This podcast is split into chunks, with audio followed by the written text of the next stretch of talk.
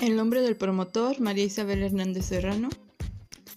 Nivel, primaria, de primero a segundo grado. Día 13. La asignatura es vida saludable.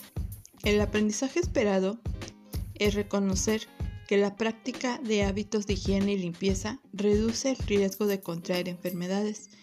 Vamos a tener un énfasis en medidas de limpieza, de higiene en la convivencia con los animales. El título del programa de televisión Los animales en nuestra vida, cuidados y riesgos. ¿Qué actividades vamos a hacer de reforzamiento que proponemos para los alumnos?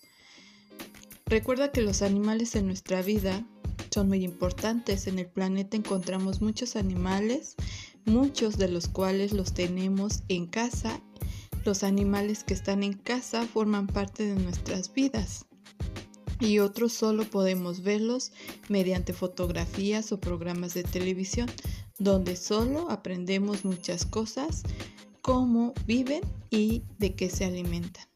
Los animales domésticos son los que se encuentran en casa, son aquellos que pueden ser cuidados por las personas como los conejos, la vaca, el gato, la oveja, el pato o el perro.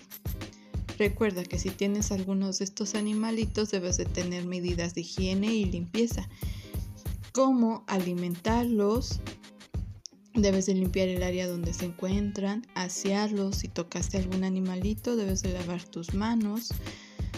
Y también hay animales salvajes, viven en zonas aisladas de la población, pues no pueden ser domesticados como un león, una serpiente, un cocodrilo, un elefante, un oso o una foca.